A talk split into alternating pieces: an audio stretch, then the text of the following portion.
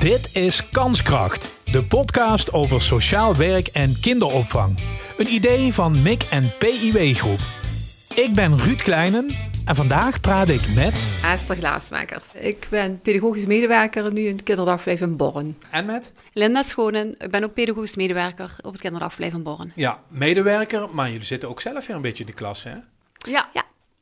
ja. We zijn weer uh, druk aan het studeren Ja. op dit moment. weer in de schoolbanken. Ja. Eerste duizend dagen coach worden jullie. Dat gaat over de eerste duizend dagen van een kind vanaf de geboorte? Of is het vanaf de... Vanaf conceptie Kijk wordt aan. het geteld. Ja, ja. En eigenlijk gaat het nog een stukje daarvoor. Eigenlijk al als er een kinderwens ontstaat bij eh, eh, mensen, dan daar kan je al een eh, rol in gaan spelen Hmm. natuurlijk als eerste duizend dagen coach. Ja, ik wil er zo meteen alles over weten, maar dit is nieuw hè, voor deze organisatie. Ja, ik denk dat wij de eerste zijn die dit gaan doen, ja. Ja. Ja. En jullie hebben het zelf aangedragen? Ja.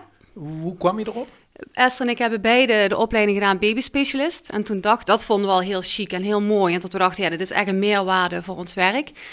Maar toen dachten we, ja, hmm, er moet nog iets meer zijn om nog meer verdieping te hebben... om ook een ondersteunende rol voor ouders te kunnen spelen. Ja, en dat gaan we met de duizend dagen coaches dat wel echt de Vinden. bedoeling en Ja, vinden. ja. Ja. Je wordt dan eerst babycoach, specialist. Waarom wil je dat? Want het is natuurlijk ingewikkeld. Ik snap dat het allemaal leuk is en klein en schattig, maar Ja, communicatief best wel ingewikkeld. Ja, ja, nou ja, babyspecialist is natuurlijk iets wat straks gewoon qua wetgeving in de kinderopvang, iedereen die met baby's werkt, moet die specialisatie gaan doen. Eh, wij behoorden eigenlijk bij de eerste groep van MIC die daar eh, mee gestart is. Ja. Ehm, en ja, luister, wij zitten allebei al jaren in het vak, hè, 30 en 20 jaar. eh, dus je gaat er dan een beetje zo naartoe van, nou, ik ga het zien, hè, wat kunnen ze me nog leren, ook wel een beetje. Maar we werden daar echt heel erg ja, verrast door, door ja, wat we daar nog geleerd hebben. En wat je toch extra kan bieden aan baby's. Ja, Het bleef altijd nog een beetje zo'n vlak of zo'n gebied van wat kan je nou eigenlijk met Ja. baby's? Wat kan je daar nou extra in aanbieden? Beetje zoals ik erover denk. ja. Zo Ja. waarschijnlijk Dat, wel. En ja. met jou heel veel, denk Ja. ik. Ja, ja. Ehm, maar ja, daar kreeg, werden we eigenlijk een beetje wakker gemaakt van wat je toch echt kan bieden aan kinderen. hè. Hoe je die hechting heel eh, goed eh, kan laten plaatsvinden. Mm. Nou, en daar hadden wij zoiets... Ja, dat, daar leer je dan vooral als babyspecialist hoe je dat als pedagogisch medewerker in een groep kan. Maar wij dachten, het is ook heel mooi om eh, ja, ook die ouders daar een stukje in te ondersteunen. Of gewoon collega Collega's. babyspecialisten eh, ja, gewoon wakker te houden en eh, bij te scholen en bij te praten over wat je kan met baby's. Maar is het ook de leukste eh, leeftijdsgroep? Baby's? Vind- ja, ik vind van wel. Waarom? Maar, wel, omdat je gewoon die veiligheid en die geborgenheid, je hebt het, het, het puurste mens heb je eigenlijk in handen. Ja, en dat maakt het gewoon heel mooi. En dat jij gewoon, dat wij voor, voor zo'n klein iemand al zoveel kunnen betekenen, ja, dat, ja. En het is gewoon mooi, de interactie en het geven en het opgroeien, de sprongetjes, de, ja. Ja, ik zie je is helemaal op mooi. opbloeien. Ja. Ik geloof je. Het is Ja. een geloofwaardig verhaal dit. ja, Geldt ja. voor jou ook. Ja, ja. We, we hebben jarenlang natuurlijk verticaal gewerkt, maar dus met 0 tot 4 jaar door, bij, door elkaar in de groep. En ik moet zeggen, als je me tien jaar geleden had gevraagd, als je nou moet kiezen tussen baby's en peuters, had ik toen altijd gezegd, nou doe mij maar die peuters. Gewoon omdat ik dacht, ja, daar kan ik al wat meer mee. Ehm, maar uiteindelijk ben ik toch beland in een babygroep. En daar kwam meteen dat babyspecialisme bij. En ja, dat heeft gewoon iets aangewakkerd dat ik denk, oh nee, daar, daar begint die hele belangrijke start. eh, en daar kan je ook echt wel een hele belangrijke rol in spelen. Dus ja, Ja. Dat heeft ons gewoon heel warm gemaakt om Ja. eh, ook uiteindelijk te vragen om deze opleiding eh, te kunnen gaan doen, de eerste duizend dagen. Ja, want ja. jullie wisten al een hoop, maar dit is dan extra verdieping. Vallen dan de schellen van je ogen als je dan eh, zo'n opleiding doet? Of is het toch ook al gevoelensfressen? Je, je weet hier al veel dingen van, omdat we die babyspecialist al hebben gedaan. Maar hier zit nog zo'n extra laag in. We krijgen ook babygebaren erbij. Dat hebben we bij babyspecialist niet gehad. Maar wacht even, een ba- een baby slaat met zijn vuistje een beetje lukraak in de lucht, denk ik dan. Maar dat betekent wat. Als je met je baby babygebaren gaat doen, of met je kind baby- gebaren gaat doen, dan kan dat wel wat, ja, wat opleveren en betekenen. Maar Ja. geef eens een voorbeeld dan. Wat is het, een, een gebaar van een baby waar je wat mee kan als opvoeder of als professional? Melk, Ja? of eh, werken, een mama. oh, je gaat echt je duim omhoog Wij- voor melk. Dat kan je een baby aanleren. Ja, Ik wil vanaf melk, zes maanden. Echt waar? Vanaf zes maanden kan je, de- je kan het al eerder beginnen, maar vanaf zes maanden gaat de motoriek een baby gaat zijn handen gebruiken en bewust br- gebruiken eerder dan zijn stem. Hmm. En door die gebaren kan een kind al veel eerder aangeven van luister, ik wil melk, of ik ben moe, ik wil slapen, of ja, noem maar op, of ik wil meer. Ja. noem het maar op. Er is een tal van woorden wat ze dan met hun handen kunnen doen in plaats van hun stem, omdat hun stem nog niet ja, aanwezig is. Nee, is nog niet ontwikkeld. Nee. En, en toch, laten we dan nu maar even naar het, helemaal naar het begin gaan. Eh, het begint bij de fase voor de conceptie al. Ja. Eigenlijk wel. Wat, hè? wat, wat leren jullie daarover? Eh, nou ja, het gaat er natuurlijk, hoe staan ouders daar gewoon al in? Hè? Hoe is, hun, is er echt een reële kinderwens? Eh, hoe, hoe gezond ben je zelf? Eh, hoe ga je om met je voeding, je beweging? je- hè? Hoe voorbereid ben je om überhaupt een zwangerschap op een zo goed mogelijke manier te volbrengen? Eh, gaat het met stress gepaard? Ik noem maar iets. Hè? Niet iedereen wordt zomaar spontaan zwanger. En er komen soms allerhande toeters en bellen bij kijken. Nou, dat, dat geeft stress mee. Dat, die stress, dat... Ja, en, en het, zal maar zeggen, het eerste celdelingje wat ontstaat, wordt dat eigenlijk al gevoeld eh, door een kindje. Dus ja, dat geef je al mee. Dus hoe, ja, hoe ga je daar dan mee om, om toch zo'n kindje, om die stress zo te reduceren... Hè, dat je je kindje ja, zo min mogelijk stress ervaart. Want ja, he- hele jonge kinderen, zelfs al nog in dat hele prille begin, zijn gewoon super sensitief. Mm. En ja, dat realiseren we ons heel vaak gewoon niet. Ehm, maar ja, dat is wel mooi om dan ouders daarin te begeleiden, hoe ze dan zich daar toch een beetje relaxed in kunnen voelen en hoe ze toch die liefde en die rust kunnen vinden om eh, over te dragen aan hun kindje. Ja, want laten we de stress dan als voorbeeld nemen. We- wat weten we dan over de gevolgen daarvan voor dat kindje? Spanningen.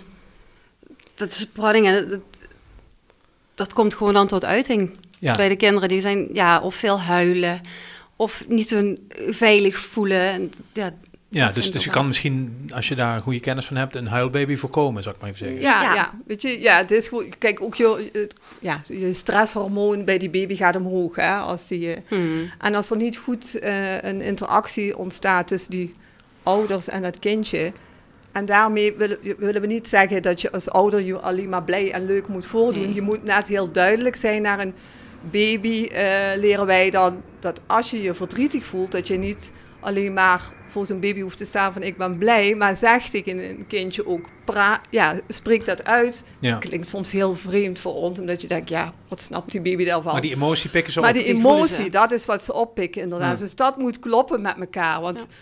als hij de stress voelt van een ouder, maar die ouder doet, "Eh, ik ben alleen maar Ja. blij, dan is dat heel verwarrend voor een kind. En ik zal maar zeggen, voor zijn ontwikkeling, zijn hersenontwikkeling, ja, is dat gewoon heel onduidelijk. En daar kan een kindje dan ook wel stress van krijgen, zou ik maar zeggen, als dat onduidelijk is. Dus je kan dan beter ouders begeleiden van, god, spreek dat uit, van mama voelt zich vandaag verdrietig, maar eh, ik ga toch lekker een leuke dag met jou maken, bijvoorbeeld. Mm. Eh, om dat zo ja, goed te reguleren eigenlijk. Ja. eh. Het Ja, te dat- normaliseren, dat het er mag zijn. Ja, want Ja. het is wel een kanteling hè? In, in, nou, laat ik zeggen, in het opvoeden geworden. Ja. Vroeger waren ouders alwetend en die hadden geen twijfels. En dat is er dus helemaal vanaf. Je bent kwetsbaar als ouder. Je bent Ja. heel kwetsbaar. ja, want maar dat laat je ook zien aan je kind. Ja, en je bent heel onzeker als ouder zijnde. Als beginnende ouder zijnde vooral. Ja. Mhm. En Ja. dat mag er ook zijn. Ja, En dat is belangrijk. dat Dat, is je belangrijk, ouders ook ja. inderdaad dat duidelijk maakt. Dat dat er mag zijn. En Mhm. dat je dat Ja. ook mag eh, laten Voelen zien. en Maar je zegt dat hard, in dit geval hardop tegen een baby. Dat kan. Ja, dat mag. Dat kan. Dat maakt hem al duidelijker wat er aan de hand is dan als je dat niet doet. Ja. Ja. Want een kind voelt het aan. Als, wij, als jij gestrest een baby een flesje geeft en denkt van, oh, hm, dit moet nog en dat moet nog en zo, dan gaat een baby dat ook voelen. Alles wat jij voelt, geef je door. Die spanningen, dat, dat, die lichaamstaal en, Ja. en uitleggen en praten, ja, dan maak je gewoon al heel veel duidelijk. En het mag er zijn voor iedereen. Kijk, wat, wat het mij oplevert, zal ik maar zeggen, ook wat we, dat je dit soort dingen in de opleiding leert, zal ik maar zeggen, is natuurlijk wat je ook wel altijd al ervaren hebt, met al die jaren ervaring dat wij met baby's werken. Ik merk gewoon bijvoorbeeld, als ik een babytje in bed ga leggen, maar die is onrustig en die komt niet in slaap en ik Ja. zit te denken, oh, daar zitten er nog vijf in die groep, daar moet ik eigenlijk ook bij zijn Mhm. en ik ga gehaast doen en ja, dat werkt niet. Die baby gaat niet slapen gewoon. Dus ja, nou ga, kan je wel heel bewust daar de tijd voor nemen. Je regelt dan bijvoorbeeld dat een collega even op die andere eh, kinderen laat. Zodat je echt, dat ik echt zelf gewoon diep kan uitademen. Mezelf ontspannen kan gaan voelen. Want zolang ik gestrest of opgefokt of gehaast ben, Gaat ja, niet werkt werken. dat Ja. gewoon niet. En dat, dat, dat, eh, die ervaring hadden we al dat dat zo werkte. En dat wordt nou eigenlijk bevestigd ook door wat we leren in de opleiding. Eh, ja, dat dat heel belangrijk is om goed te luisteren naar je, hoe je Ja. zelf op dat moment voelt. En dat ook goed eh, proberen te reguleren naar zo'n babytje toe. Dus jullie hebben die, die, wat je in de praktijk al meemaakte, dat wordt nu theoretisch fatsoenlijk onderbouwd. Ja. ja. Daarbij leer je nog wat nieuwe dingen. Ja. Ja. Ja. Ja. Waarom is die grens van duizend dagen er eigenlijk? Je kan er ook 2000 van maken of 500 of... Ja, die basis ligt in de eerste twee jaar van een, van een wezen. Van, Ja. ja. van conceptie tot twee jaar, daar ligt je basis. Daar ligt je, ja, de echte basis van het kind zijn. Als je die basis goed hebt, of zo goed mogelijk probeert, want 100% goed Bestaat niet. bestaat niet, Nee. dan, dan is het prima.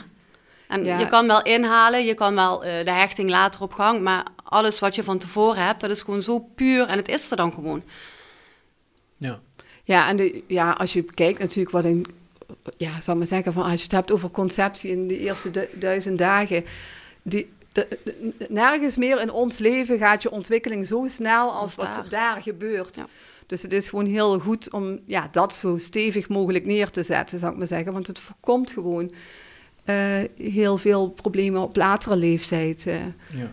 Dat is natuurlijk ook wel ja, waarom de overheid op dat soort dingen inzet natuurlijk. Om uiteindelijk te voorkomen dat een aantal kinderen gewoon straks niet die extra zorg meer nodig hebben. Wat je dus kan voorkomen als je ziet dat we alle problemen de wereld uit kunnen Nee, helpen. maar goed begin is het halve werk, zeggen ze. Precies, hè? ja, dat. Ja. Ja. Ja, En het is natuurlijk enorm wat je van, ja, maar zeggen, van dat eh, hele kleine celletje tot, eh, die, ja, die ontwikkeling gaat dan zo, Zo snel. snel.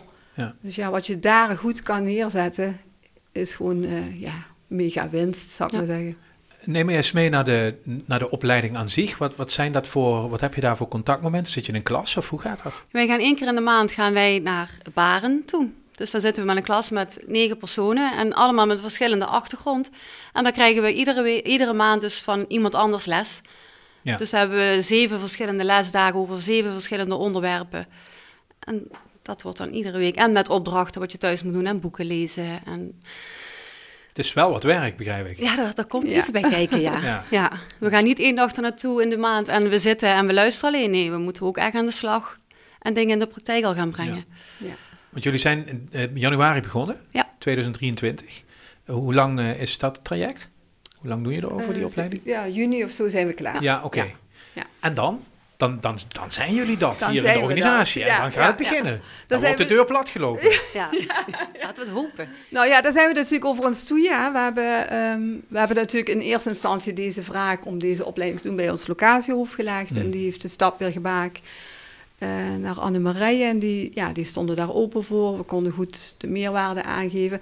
Dus we zijn nou ook met hun gaan we nou stappen ondernemen van hoe gaan we dat eh, inzetten. Er zijn wel wat ideeën. eh, eh, inderdaad, een stukje begeleiding misschien of bijscholing van de babyspecialisme. hè, Dat we de, maar ook eh, verder dan dat. eh, je wil ook graag eh, ja, wat preventiefs al doen eh, naar ouders toe. Maar er kunnen ook samenwerkingen komen Met voor CJG. jeugd- CJG, Centrum voor Jeugd en Gezin.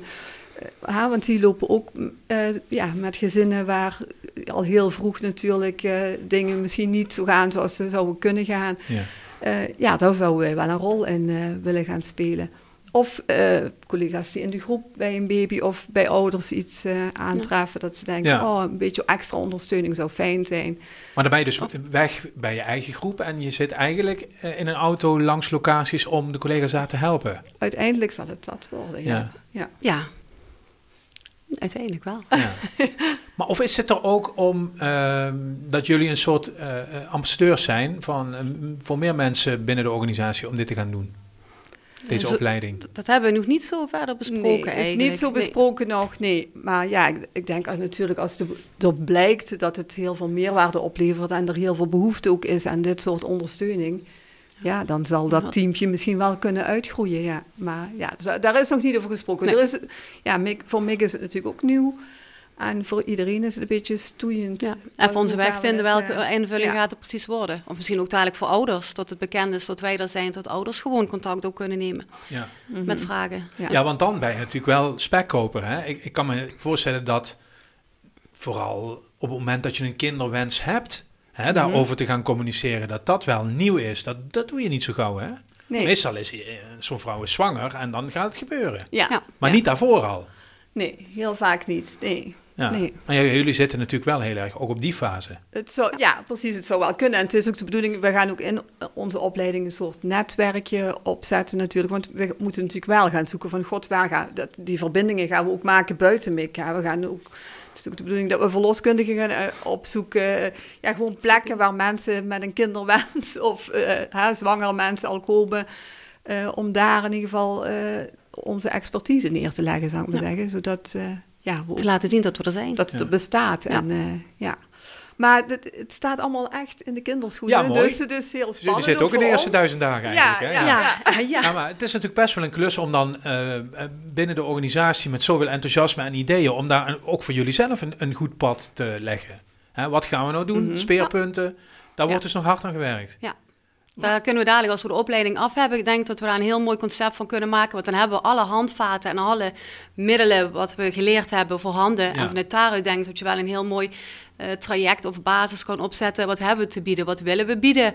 Ehm, welke casussen kan je hebben en wat kan je inzetten? Ja, daar ga je dan in zeg, zomer, najaar aan werken. Mhm. Ik hoop als we Ja. klaar zijn inderdaad en terugkomen van onze welverdiende zomervakantie, Ja. dat we flink aan de bak kunnen, ja. Ja, Ja.